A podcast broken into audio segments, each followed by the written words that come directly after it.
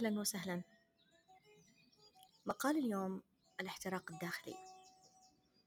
الاحتراق الداخلي أعني فيه هو احتراق من غير دخان ينشأ داخل الإنسان ومن تفكير الإنسان.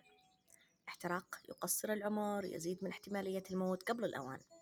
الاحتراق الداخلي الذي دعتني به أحد الصديقات الواعيات ونبهتني منه وحذرتني من أن زيادة حرصي على جدولة كل شيء وغضبي على على عدم إتمام المهام المكتوبة بشكلها المطلوب في وقتها المطلوب قد يكون سببا رئيسيا في عمل هذا الاحتراق والذي لا أشعر به.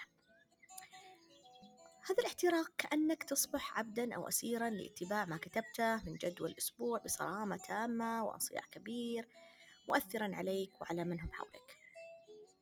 قد يكون الاختراق الداخلي سببه تفكيرك السلبي حيال كل شيء. قد ينتج من كثرة الضغوط وزيادة التفكير وتفاقم المهام وتراكم مشاعر مكبوتة ومن الأرجح أن أكبر احتراق داخلي يولده الإنسان هو علو صوت جلاد في رأسك يلومك ويؤنبك على كل شيء.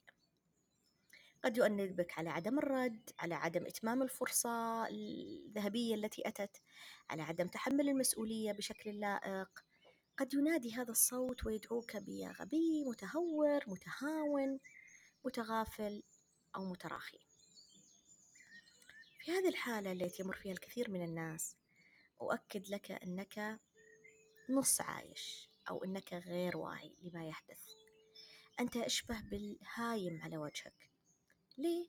لأنك تعيش بنسخة يعني مشوهة منك وكأن ضباب كثيف يعم على حياتك من جراء هذا الاحتراق يغطي عينيك فلا تستطيع الرؤية بوضوح تام.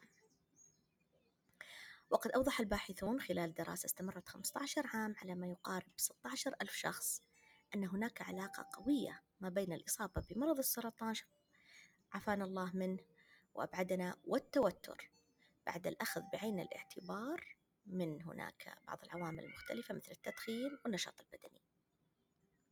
نصيحتي القلبية اعرف من الآن مسببات ما يحرقك داخليا. هل هي ضغط جدولة كلام الآخرين خوف من الفشل تحاشي النقد أو هل هو عدم معرفتك بالمسؤوليات التي عليك والتي ما تخصك؟ كثير من الأمور التي تشعرنا بالاحتراق كذلك لها ضرر كبير على ارتفاع ضغط الدم ومن أضرارها القصوى هي الموت المبكر جلطات وتؤثر على أشياء كثيرة في الجسد أنت في غنى عنها. فالنقاط الذهبية في هذا الموضوع هي اعرف واعترف بأكبر مصدر للتوتر لك في حياتك. اكتبه فرغه على ورق. فسر أسباب تكراره حاول تقليصها والتخفيف منها. تحدث مع الأشخاص المسببين لهذا الضغط. فهمهم وضعك وحاورهم في الموضوع. تدرج في إبعاد كل ما يضايقك عن حياتك. فوض بعض الأعمال للآخرين. قم بالتقليل قدر الإمكان من الأمور المتحكمة أغلب الوقت على مزاجك مثل الأخبار الأصوات المشروبات والناس المحبطة السلبية طبعا. استبدل أمور أخرى أكثر فائدة في حياتك. الاستبدال له فائدة عظيمة. مثل ألعاب ذهنية جديدة استماع لبودكاست جديد آه، استماع لأصوات ونغمات جديدة تعلم مهارات رياضية جديدة أو محادثة صديق قديم قد يكون في انتظارك. خذ فترة إجازة تمتد إلى ثلاث أيام. ابتعد عنها كليا جسديا فكريا عن كل الأمور الضاغطة والموترة. كرر بينك وبين نفسك أنك حر ولك حرية الاختيار ولا أحد له الحق في التحكم فيك والسيطرة على اختياراتك في حياتك وأسلوب عيشك وكيف تريد أن تستمتع في هذه الحياة. وأخيرا أقول لا تكن سببا في احتراق أحد في هذه العالم.